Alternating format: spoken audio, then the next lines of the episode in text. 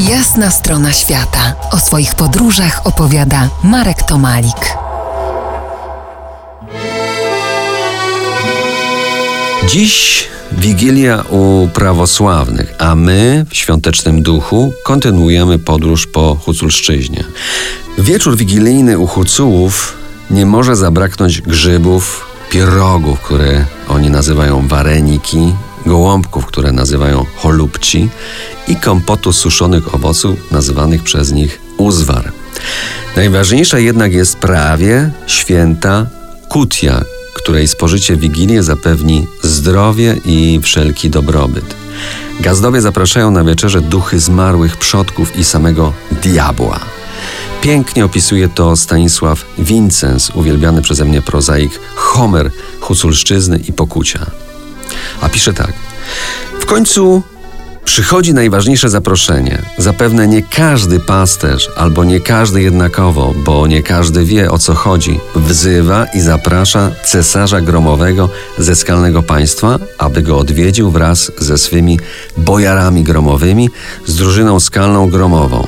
I mówi: Przyjdź, cesarzu, godny na wieczór święty. Ponad nas jest większe światło, dzieciątko Boże, przyjdzie uczcić.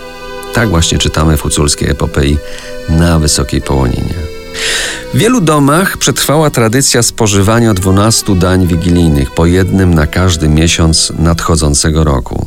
Jedzą domownicy, je chudoba, czyli owce i krowy, drób oraz duchy zmarłych.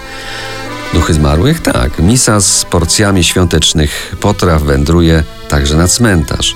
Po wieczornej mszy w cerkwi na grobach zapłoną świece, a po północy na wszystkie miejsca złych mocy zstąpi dobra nowina. Na Huculszczyźnie żywe jest kolędowanie. Pod przewodnictwem Berezy odwiedza się kolejne domy, wspólnie śpiewa i biesiaduje. Każdy dom zostaje obsypany ziarnem na szczęście. Czyli niemalże podobnie jak u nas. Tak, tyle że u nas drzewiej tak bywało, a tam nadal tak jest.